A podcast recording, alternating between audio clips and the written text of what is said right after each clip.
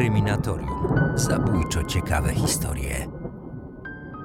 Tym razem nietypowo. Pewnie spodziewaliście się kolejnej tajemniczej sprawy, ale muszę was zaskoczyć. Tydzień temu Michał Larek zaprosił mnie na spotkanie ze swoimi studentami. Miałem opowiedzieć o kryminalnym świecie YouTube oraz podcastów. Zazwyczaj unikam wywiadów i publicznych wystąpień, ale tym razem zrobiłem wyjątek. Co więcej, zabrałem ze sobą mikrofon, aby fragmenty z tego spotkania zamieścić także na kryminatorium. Z Michałem Larkiem wróciliśmy do podejmowanego wspólnie tematu nekrofila z Poznania. Opowiedziałem o procesie zbierania informacji oraz o tym, jaki mam plan na najbliższe miesiące.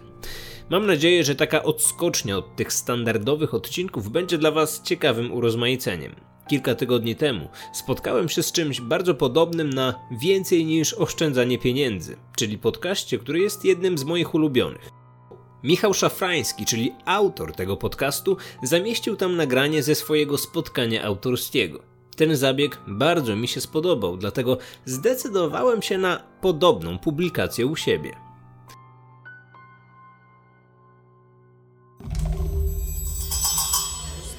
Kryminatorium. Otwieramy akta tajemnic. odcinku e, kryminalnej historii Poznania, tak jak uprzedzałem Państwa. E, poznaliśmy się z Marcinem jakieś dwa lata temu. Kompletnie go nie znałem, nie znałem jego kanału, nie wiedziałem w ogóle, że jest coś takiego jak YouTube e, kryminalny. A, I pewien właśnie młody e, człowiek zapytał mnie na mes- przez Facebooka, czy mam e, Martwe Ciała, czyli książkę o e, Edmundzie Kolanowskim i chciałem już odpowiedzieć, że, znaczy, czy, czy można gdzieś ją kupić. I Chciałem odpowiedzieć, że nie, nigdzie jej nie można kupić i, na tym poprzestać, ale pomyślałem sobie, a wyślę mu. E, Karma wraca i wys, wysłałem mu tę książkę za darmo, nie, nie zapłacił ani ale potem odwdzięczył się na przykład zaproszeniem do Londynu. Razem byliśmy w AMC Networks, gdzie byliśmy na pokazie jednego z odcinków e, ciekawego serialu em, kryminalnego, e, więc e, uważam Marcin, że spłaciłeś z nawiązką swój egzemplarz. Em, Pewnie większość z Was lepiej zna twórczość naszego gościa, dlatego chciałbym przypomnieć, że zasłynął przede wszystkim ze świetnego kanału na YouTubie Niediegetyczny, a od jakiegoś czasu... Gdy pisałem ponad rok temu do Michała w sprawie tych wspomnianych martwych ciał, nawet przez myśl nie przeszło mi, że tak wszystko się to potoczy. Ale jak wszyscy dobrze wiemy, życie pisze różne scenariusze. Po kilku słowach wstępu Michała zacząłem snuć swoją youtubersko-kryminalną opowieść. Nagrałem całe spotkanie, ale oczywiście wybiorę dla Was te, moim zdaniem, najciekawsze fragmenty. Na szczęście Marcin e, zgodził się e, i przyjął e, zaproszenie. Dlaczego założyłeś ten kanał? Co Cię podkusiło? Wyszło to właściwie całkiem przypadkowo. Ja od samego dzieciństwa zawsze interesowałem się sprawami kryminalnymi, ale także tematami mrocznymi, niewyjaśnionymi. E, Gdy byłem dzieckiem, to głównie interesowało mnie UFO, zjawiska niewyjaśnione, tego typu rzeczy. Potem, gdy byłem trochę starszy, również pojawiły się te sprawy kryminalne. Gdy zaczynałem, to ten temat był właściwie tematem tabu. Teraz tak się potoczyło, że i na YouTube jest tych kanałów chyba kilkanaście. Wyrastają jak grzyby po deszczu, nawet są już podcasty, oprócz naszych chyba cztery albo pięć. Jednak gdy zaczynałem, to ten temat w ogóle nie wzbudzał żadnego zainteresowania. Zaczęło się przypadkowo, ponieważ chciałem nauczyć się montować filmy. Stwierdziłem, że ten montaż, ten proces produkcji tak bardzo mi się podoba, że zacząłem robić kolejne rzeczy. Na początku kanał w ogóle nie miał iść w stronę kryminału, tylko miały to być zjawiska niewyjaśnione, takie jak UFO, również jakieś zaginięcia, seryjni mordercy, ale bardziej skupiałbym się na tematach paranormalnych. Taki był na początku plan. Ale wtedy nastała moda na takie tematy na YouTubie i stwierdziłem, że chciałbym robić coś innego, coś czego w Polsce nie ma, coś co sam chciałbym oglądać i dlatego ten kanał poszedł w taką stronę właśnie w sprawy kryminalne. Tak to się zaczęło. Może jeszcze e, zadam takie e, też klasyczne e, pytanie. Strasznie mnie interesuje, jakie sprawy naj, największe na Tobie wywarły wrażenie, które może najbardziej Cię jakoś przejęły, nie wiem, przeraziły, rozemocjonowały. Jedną z takich spraw na pewno była sprawa Właściwie to nasza wspólna, to sprawa Edmunda Kulanowskiego. Trafiłem na Twoją książkę. To był, chyba wciąż jest jedyny taki reportaż szczegółowy na temat tej sprawy, ale tak jak mówiłeś, nigdzie tej książki nie można dostać. Przeczytałem tę książkę i wywołało to u mnie ogromne emocje. Wydaje mi się, że ta sprawa jest tak przerażająca, że nie można jej nawet porównać do niczego innego, bo nie dość, że ten człowiek zabijał niewinne kobiety, to jeszcze robił takie okrucieństwa, które nawet trudno nam sobie wyobrazić. Jednak e, prawdziwe emocje e, wywołał u mnie dopiero, gdy e, przeglądałem te akta, a zdjęcia w nich były przerażające. I tak jak ja widziałem wiele rzeczy, tak jak pewnie wszyscy tutaj z Was, którzy jesteście, czy to na Sadistiku, czy to na jakichś innych serwisach o podobnej tematyce, to to, co jest w tych aktach, może jest podobne, ale jednak ta świadomość tego, że ten człowiek chodził po tym mieście, w którym my żyjemy, że obok tych zdjęć są jego podpisy, są jego zeznania, że możliwe, że niektóre z tych dokumentów sam dotykał, e, no to zrobiło na mnie duże emocje i przyznam, że po pierwszym dniu bałem się nawet, że nie zasnę po, po przeczytaniu tych akt. Co prawda nie miałem żadnych koszmarów. Każdy kolejny dzień, gdy się z nimi, gdy czytałem te dokumenty, był już łatwiejszy, był już prostszy, ale ten początek był naprawdę przerażający. Tylko y, dopowiem, że jakiś czas temu y, odezwał się zarówno do Marcina, jak i do mnie pewien fascynat seryjnymi zabójcami ze Stanów Zjednoczonych, który organizuje takie crime tour e, po Stanach Zjednoczonych śladami seryjnych zabójców, ale postanowił zacząć organizować te wycieczki w Polsce. I w związku z tym odezwał się do, do, do naszej dwójki osobno, ale podzielił się bardzo osobliwą informacją. Otóż napisał, że zastrzegając się, że być może będzie to postrzegane jako takie bardzo e, działanie creepy i żebym nie myślał sobie o nim jako o wariacie, ale opłacił grób Edmunda Kolonowskiego, który za chwilę miał być e, zlikwidowany. Opłacił chyba na jakieś 10 lat. E, e, twierdzi, że będzie robił dokument jemu poświęcony. Chciałby amerykańskim, amerykańskiemu społeczeństwu wytłumaczyć takie różne zawiłości polityczno-historyczne związane z Kolanowskim, więc e, Kolanowski jest taką postacią, która rzeczywiście nawet e, już ludzi za oceanu przyciąga i niektórzy są w stanie zapłacić za jego dalsze użytkowanie grobu, że tak powiem. Ale nie wiem, czy wiesz, Michał, że ten człowiek e, zorganizował zbiórkę w ogóle na zakup tego grobu. Aha. Nie wiem, czy to on mi wysłał link, czy gdzieś tam przypadkowo znalazłem, ale rzeczywiście była zbiórka i ludzie się zrzucili na to, żeby ten grób wykupić. To chyba kosztowało 500 czy 600 zł, chyba taka była stawka. Ty się dorzuciłeś? Nie, nie dorzuciłem się. Dowiedziałem się o tym, jak już zbiórka była zebrana, ale kto wie, może bym mi rzucił 20 zł. Mam przeczucie, że temat Edmunda jeszcze kiedyś wzbudzi duże zainteresowanie. Może jakiś przerażający serial. Netflix, HBO, kto wie. Ostatnio panuje trend na tego typu historie, więc mam cichą nadzieję, że twórcy filmowi realizujący takie projekty w końcu wezmą pod uwagę również te mniej znane sprawy, bo mam wrażenie, że już od kilkunastu lat, jeżeli coś na temat seryjnych morderców z Polski powstaje, to cały czas są te same nazwiska. A przecież takich przestępców na terenie naszego kraju było znacznie więcej. I z każdym rokiem zmniejsza się grono osób, które w ewentualnym dokumencie mogłyby coś ciekawego na temat danego zbrodniarza powiedzieć. Wracając jednak do tematu, w ostatnich miesiącach w komentarzach i wiadomościach bardzo często pojawiało się pytanie o dostęp do akt. I takie pytanie pojawiło się także podczas spotkania. Opowiedziałem, jak wyglądało to w moim przypadku. Tak, procedura wygląda inaczej w przypadku Michała i inaczej w przypadku moim. Ja na początek y, też zastanawiałem się, co zrobić, aby wejść w te dokumenty, bo y, no jednak jest to na tyle ciekawe, że fajnie byłoby zrobić materiał na ten temat. Wszedłem po prostu na stronę sądu, poszukałem. Tam był jakiś taki fajny poradnik. Y, jest kilka albo nawet kilkanaście stron o tym dostępie do akt, kto może uzyskać, w jaki sposób. W moim przypadku niezbędna była legitymacja prasowa, ale tak się złożyło, że gdzieś pół roku wcześniej poznałem Piotra Szatkowskiego. Możecie go kojarzyć z serwisu Kryminalna Polska. E, to jest właściwie najpopularniejszy serwis o takiej tematyce kryminalnej w naszym kraju. Prowadzi również kanał, który już coraz lepiej prosperuje. Głównie są to wywiady z gangsterami, z jakimiś takimi ludźmi z półświadka i on, jego Kryminalna Polska jest zarejestrowany jako tytuł prasowy. Wyrobił mi legitymację i na podstawie tej legitymacji złożyłem wniosek, e, argumentując to jako próba realizacji reportażu na temat Edmunda i przeszło. Mam nadzieję, że w przypadku Kazimierza również na tej samej zasadzie. E, Później trzeba było jeszcze złożyć oddzielny wniosek na konkretne fotografie, ponieważ to nie było tak, że e, jak już mam wgląd w te akta, to mogę sobie robić zdjęcia, jakie chcę i publikować.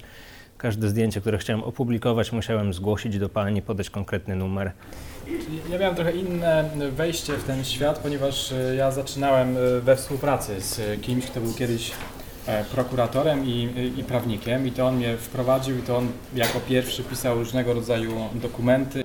Zawsze to argumentuję tak, tak, że jestem e, pracownikiem naukowym, że piszę jakąś książkę albo robię jakiś projekt literacki i dzięki temu e, uzyskuję wgląd. Ale to każdy w gruncie rzeczy może zrobić, to znaczy każdy ma prawo złożyć wniosek w akta. Inna sprawa, i jakoś to zargumentować. Um, I sąd raczej powinien dać pozwolenie. Natomiast są takie sprawy, do których nie można mieć wglądu. Ja na przykład ostatnio, jakieś parę tygodni temu, dostałem odmowę e, od sądu. Argumentacja bardzo króciutka, zawierająca się w jednym zdaniu, brzmiała tak, że e, proces czy poszczególne rozprawy były utajnione w jakimś tam e, procencie i chodziło o to, że to była sprawa bardzo taka makabryczna pod względem seksualnym. Ofiarą była dziewczynka, ośmioletnia, która bardzo straszliwie została e, skrzywdzona i, nie, i, sąd wtedy utajnił w połowie rozprawę, rozprawy. E, No i w gruncie rzeczy nie dziwię się, że ten dostęp do akt został e, zablokowany e, całkowicie. Być może na miejscu sądu sam tak samo bym e, e, postąpił. Powiedz, jak w ogóle wygląda e, proces przygotowywania się do filmów? Sam zresztą powiedziałeś, że e, jakby jesteś coraz bardziej e, ambitny, więc ten proces pewnie jest coraz bardziej trudny, skomplikowany. Jak to wygląda? Gdybyś mógł zdradzić trochę kuchni. Teraz to wygląda zupełnie inaczej niż jak wyglądało to dwa czy jeszcze rok temu. Zrozumiałem, że chciałbym też zmienić w coś w kanale, właśnie żeby to szło w stronę taką bardziej telewizyjną, żeby każdy materiał wnosił coś nowego, żeby to nie było ciągłe odgrzewanie kotleta, tak jak to zazwyczaj jest na YouTubie. Nawet jeżeli ktoś podejmuje jakąś, jakiś temat, już nie mówię tylko o zbrodniach, ale czy to jakieś historyczne, czy cokolwiek innego, to nie próbuje tego zrobić w jakiś taki oryginalny sposób, tylko idzie takim utartym schematem, że znajduje się 5-6 reportaży, artykułów, skleja się to w jedno i podaje. Ja oczywiście też robiłem w ten sposób 2-3 lata i pewnie będą jeszcze materiały, w, y, k- gdzie w taki sposób będę te filmy przygotowywać, ale mimo wszystko chciałbym przynajmniej raz na jakiś czas zrobić coś takiego, czego jeszcze w Polsce nie ma, jak na przykład ten nasz reportaż o Kolanowskim. Co prawda były wcześniej gdzieś publikacje, czy to twoja książka, czy to reportaż z TVP, ale na przykład nikt nie pokazał jego grobu, nikt nie skupił się tak na tej e, postaci jego brata i w tym kierunku chciałbym iść. Tak samo było w przypadku Kazimierza Polusa również. Próbowałem pokazać tego mordercę od właściwie zupełnie nowej strony, bo na temat Kazimierza w internecie nie ma praktycznie żadnych informacji. E, No i udało mi się, jak dotąd to jest chyba jedna z najobszerniejszych publikacji na temat tego zbrodniarza. Chciałbym w ten sposób przedstawić też innych zbrodniarzy, czy z Poznania, czy w przyszłości z innych miast w Polsce. Proces na pewno trwa dosyć długo. W przypadku Polusa to e, prośbę o wgląd w akta złożyłem chyba w listopadzie, a film powstał, e, został opublikowany w styczniu, więc trochę to trwało. Mm, ale gdybym robił to naprawdę tak, że 8 godzin dziennie, to pewnie trwałoby to krócej, tylko że wiadomo jak to jest. Jeżeli nikt nie stoi z batem i nie pogania, to jest gdzieś w świadomości ta myśl, że mogę to zrobić jutro, mogę to zrobić pojutrze i to się tak rozciąga. Dlatego teraz jak już będę realizować jakieś tematy, to będę, zrobię sobie jakiś deadline, żeby to się tak nie ciągnęło w nieskończoność. Mm, Teraz założyłem sobie takie ostre tempo z tymi podcastami. E, Co tydzień w poniedziałek staram się coś wrzucić. Dlatego też teraz nagrywam. Może widzieliście, że się przypinałem do mikrofonu na samym początku. Mam plan, żeby może fragmenty z tej tutaj mojej pogadanki wrzucić jako podcast. Jeżeli słuchacie teraz tych słów, to znaczy, że nie zrezygnowałem z tego pomysłu i fragmenty spotkania zostały opublikowane jako podcast. Jestem ciekawy, jak będzie to wyglądać w statystykach. Zakładam, że liczba odtworzeń będzie mniejsza, ale o ile? To da mi wiedzę na przyszłość i na podstawie tego zdecyduję, czy warto podejmować podobne działanie w przyszłości. Korzystając z okazji, dopowiem jeszcze, że Wy również możecie pisać do mnie w kwestiach, które Wam się nie podobają. Na co dzień dostaję wiele pozytywnych komentarzy i pochwał. Niestety te negatywne opinie zazwyczaj są niewypowiedziane, a na pewno wiele osób ma również i te krytyczne uwagi. W ostatnim czasie zauważyłem, że krytyka utożsamiana jest z hejtem. Niektóre osoby boją się nawet zwrócić publicznie uwagę na cokolwiek, ponieważ wiedzą, że w odpowiedzi zostaną wyzwane od hejterów. To jest spory problem, który ostatnio narasta. Nauczmy się odróżniać krytykę od hejtu, bo to dwie różne kwestie. Jeżeli więc jest coś takiego, co według Was należałoby poprawić, to zachęcam do kontaktu i kto wie, może dzięki takim wiadomościom podcast będzie lepszy. Wracamy do fragmentów spotkania. Z podcastami teraz mam ostry zapierdziel. Pracuję właściwie nad wieloma różnymi sprawami. Na przykład teraz w niedzielę spotkałem się z panią, która jest trenerką psów do poszukiwania osób zaginionych i do poszukiwania zwłok. Pojechałem tam z kamerą. Na początek plan był taki, żeby zrealizować na ten temat reportaż, po prostu nagrać jakieś setki wypowiedzi tych osób, nagrać pieski, jak sobie biegają, jak szukają, coś z tego skleić, ale temat tak bardzo mnie zainteresował. Yy, I na miejscu okazało się, że jest na tyle skomplikowany, że stwierdziłem, że jednak muszę bardziej się wgryźć e, w ten temat. Umówiłem się już na kolejne spotkania i nawet chodzi mi po głowie taka myśl, żeby sobie jakiegoś pieska do poszukiwań kupić i chodzić tam co tydzień na treningi. Pani mówiła, że wyszkolenie takiego psa trwa od półtora roku do dwóch lat. E, ale tak bardzo mnie to jakoś zaintrygowało, że może byłby to fajny sposób, żeby znaleźć sobie jakąś inną zajawkę oprócz tego YouTube'a. Bo już od jakiegoś czasu próbowałem znaleźć coś, co mnie zainteresuje, żeby trochę odskoczyć od, te, od tego, co robię na co dzień. I może te pieski byłyby fajnym pomysłem. W każdym razie muszę jeszcze pojechać kilka razy na taki trening i, i wtedy dopiero e, zdecydować. Początkowo, jak psy się szkolą, z tego co widzieliśmy, to trwało to może godzinkę. Trzy wyjścia gdzieś na miasto, trzy wyjścia do lasu. E, myślę, że taką ilość czasu mógłbym poświęcić na to. Myślę, że zainteresowałoby mnie to i byłoby to związane z tematyką. Na pewno dowiedziałbym się wiele nowych, ciekawych rzeczy i takie szkolenie psa mogłoby być też bardzo ciekawe w jakiejś formie takiej vlogowej, na przykład co pół roku, czy co kwartał, czy co kilka miesięcy puszczać jakiś materiał, czego ten pies się nauczył w danym okresie, w jaki sposób pracowaliśmy, jakie ma sukcesy na koncie. Może po kilku latach udałoby się dotrzeć do takiego poziomu, że ten pies rzeczywiście pomagałby ludziom i znalazłby jakąś zaginioną osobę. No to to byłoby już w ogóle coś świetnego. Taka myśl mi chodzi po głowie. Może jak się z tym prześpię, to jeszcze się zastanowię i coś będę z tym działać. A wróćmy jeszcze do e, przygotowywania e, filmików, czy e, bardziej ambitnych produkcji, jakichś publikacji. Na przykład jak wyszukujesz temat i potem co chcesz zrobić z tym tematem, e, co masz w tyle głowy, kiedy próbujesz sobie jakoś zorganizować e, materiał, czy masz jakieś cele, czy chcesz jakoś wpłynąć na swoich odbiorców, czy jakieś emocji im dostarczyć. Jak to u Ciebie wygląda? Moim głównym takim, taką żelazną zasadą to jest. Mnie najbardziej kręci w tym wszystkim sam proces produkcji tych materiałów. Lubię poprzez muzykę, poprzez efekty dźwiękowe, jakieś nastrojowe przejścia wprowadzić jakiś taki klimat, że jak ktoś będzie to oglądać w nocy podczas burzy, to będzie się tego naprawdę bać. E, Czasami sam czuję, że oglądając te filmy mam jakiś lekki dreszcz na plecach i wtedy czuję, że, że no, to może się sprawdzić i ten dreszcz może się pojawić również u innych widzów. Jeżeli chodzi o tematy, to nie mam z tym problemu, bo teraz często dostaję tematy od widzów. Mam każdy jakiś nowy temat, który mnie zainteresuje, wpisuję sobie na listę i czasami do nich wracam. Zdarza się, że nawet po dwóch lat ktoś podeśle mi temat, ja napiszę dzięki, fajnie, obczaję. E, Zostawiam to, zapisuję, a za dwa lata przeglądam listę i dobra, biorę to.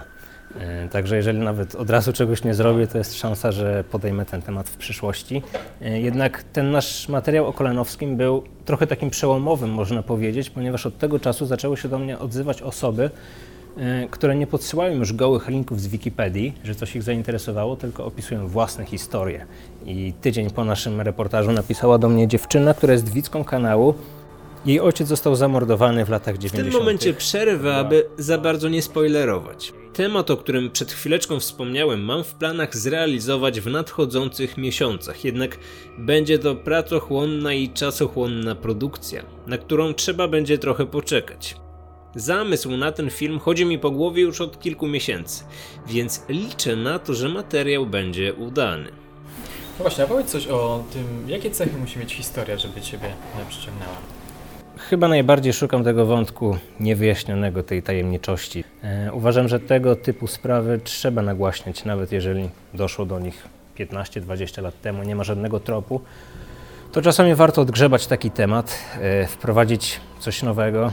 Tak się czasami zastanawiam, czy może sprawcy, czy osoby zaangażowane w te różne zbrodnie oglądają te moje odcinki, może się zastanawiają, czy, czy może powinien coś z tym zrobić, czy zgłosić się na policję, czy nie.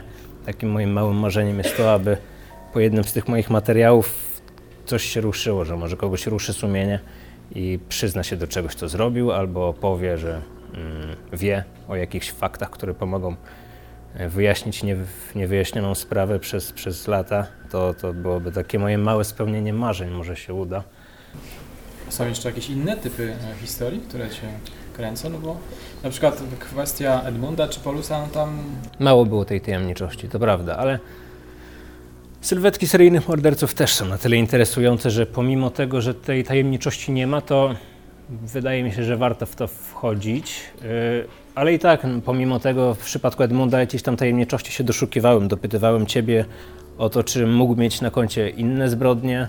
Yy, Także gdzieś tam staram się zawsze wejść w ten wątek yy, niewyjaśniony, bo nawet zauważyłem po wyświetleniach i po zainteresowaniach u, wśród widzów, że jeżeli jest ten wątek tajemniczości, że nie wiadomo jak ta sprawa się skończy, to jednak to wzbudza większe zainteresowanie. Gdy chodzi o mordercę, sprawa jest zamknięta od A do Z, no to tam już się nic nie wydarzy. To już jest kwestia zamknięta i no ja oprócz tego, że chcę, żeby to było ciekawe, oprócz tego, że chcę, żeby wprowadzał coś nowego, no to nie ukrywam, zależy mi też na tym, żeby jak najwięcej osób to obejrzało. Jeżeli ktoś publikuje swoje materiały i mówi, że mu na tym nie zależy, to proszę nie wierzcie w to, bo to jest jedna wielka ściema. Każdy, kto publicznie coś pokazuje, chce, żeby jak najwięcej osób to zobaczyło i mnie również na tym zależy, więc oprócz tego wszystkiego staram się znajdować tematy, które też zainteresują widzów.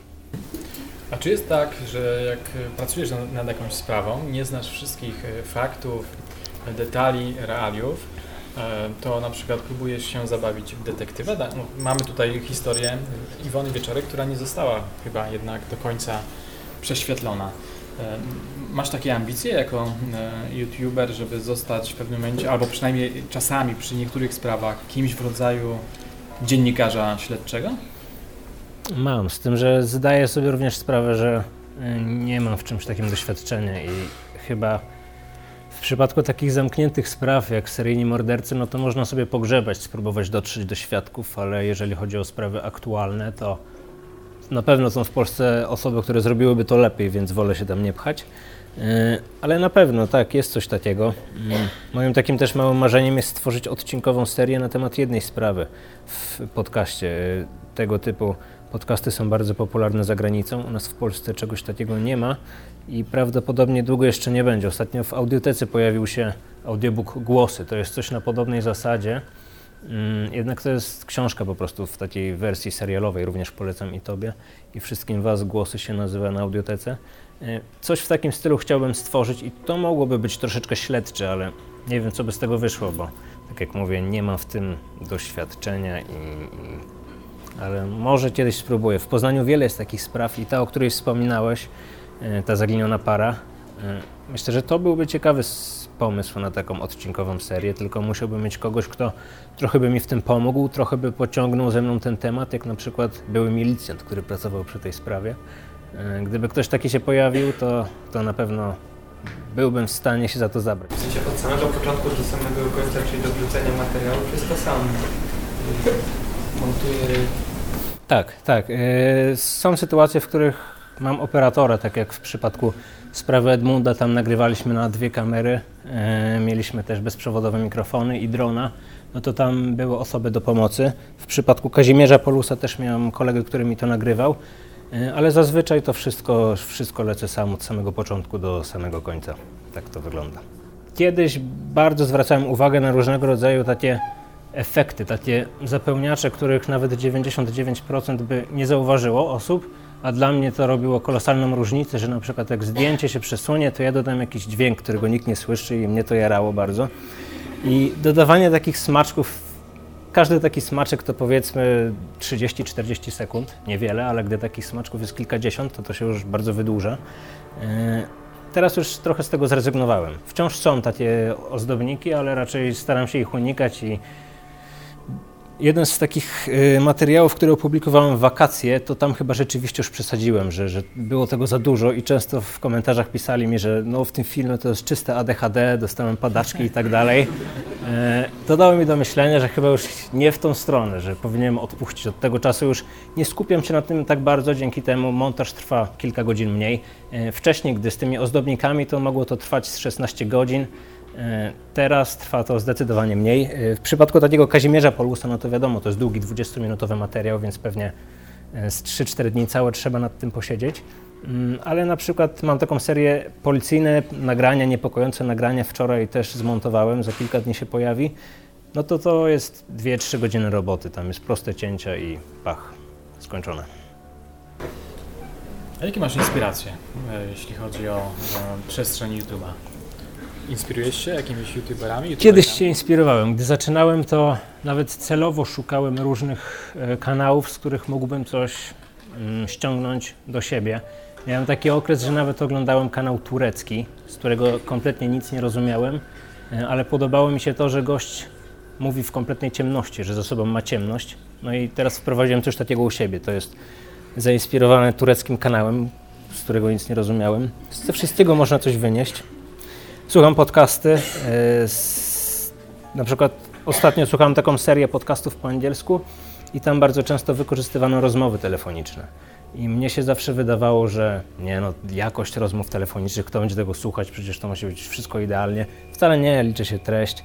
E, Ta jakość rozmów telefonicznych czasami dodaje nawet klimatu i takiej autentyczności, dzięki temu ten materiał ma zdecydowanie lepszy klimat. Dlatego czasami nawet własne kwestie staram się zmodulować w taki sposób, żeby to brzmiało jak rozmowa telefoniczna, czy żeby było jakieś takie trochę zgrzytające. Mm, Jeżeli chodzi o inne inspiracje YouTube'owe, nie. Oglądam teraz dużo reportaży, superwizjer, ktokolwiek, yy, czasami alarm, interwencja, państwo w państwie. Tam szukam inspiracji, bo jeżeli już mam szukać, to wolę od tych osób, które naprawdę są ogarniaczami w tym temacie i, i robią dobre rzeczy, a na YouTubie E, tak jak no, te moje to też jest, można do tego porównać, ale no, no, to jest takie bardzo amatorskie. Jak już się czymś inspirować, to wolę od najlepszych. Okej, to gdybyś na koniec jeszcze może jakieś e, porady e, dla przyszłych, ewentualnych, e, a może już powolutku działających youtuberów podrzucił. Przede wszystkim robić to, co się lubi i wytrwałość i cierpliwość. Nie jest tak, że wrzuci się dwa, trzy filmy w, do internetu i wszyscy będą to oglądać. Nawet na moim przykładzie można zaobserwować, że ja przez dwa lata wrzucałem filmy i nikt tego praktycznie nie oglądał. Tak jak mówiłem, kiedyś nie było hypu takiego jak teraz na sprawy kryminalne. Wszyscy mieli to gdzieś. Ja to robiłem, bo mi się to podobało. Teraz wystarczy zrobić jakikolwiek film o zbrodniach i YouTube od razu to wybija i nabija wyświetlenia. E, Chociażby przykładem mogą być Twoje podcasty, które mają po kilka tysięcy wyświetleń. Ja mogłem o takich wyświetleniach na początku pomarzyć. YouTube w ogóle nie promował moich filmów, a mimo wszystko robiłem to, bo uwielbiałem to robić. Robiłbym to nawet, gdybym musiał do tego dopłacać. E, No a tak właściwie było. Przez dwa lata nie zarabiałem, nie zarabiałem na tym kompletnie nic. Moim celem nigdy nie były pieniądze, tylko po prostu Chciałem stworzyć coś nowego, chciałem robić to, co lubię. E, I to jest najważniejsze. Na przykład na pewno każdy z Was kojarzy Gargamela. Przecież ten człowiek przez 5 lat wrzucał filmy do sieci i też można powiedzieć, nikt go nie oglądał, bo on po 5 latach miał chyba 40 tysięcy subskrypcji, a potem nagle wystrzelił. Czasami tak to bywa, że trzeba po kilka lat naprawdę popublikować te filmy i to w blogosferze, i to w podcastach, i to na YouTubie, a dopiero potem wystrzeli. Proszę Państwa, bardzo dziękuję naszemu gościowi za wizytę i wspaniałe opowieści. Dziękuję.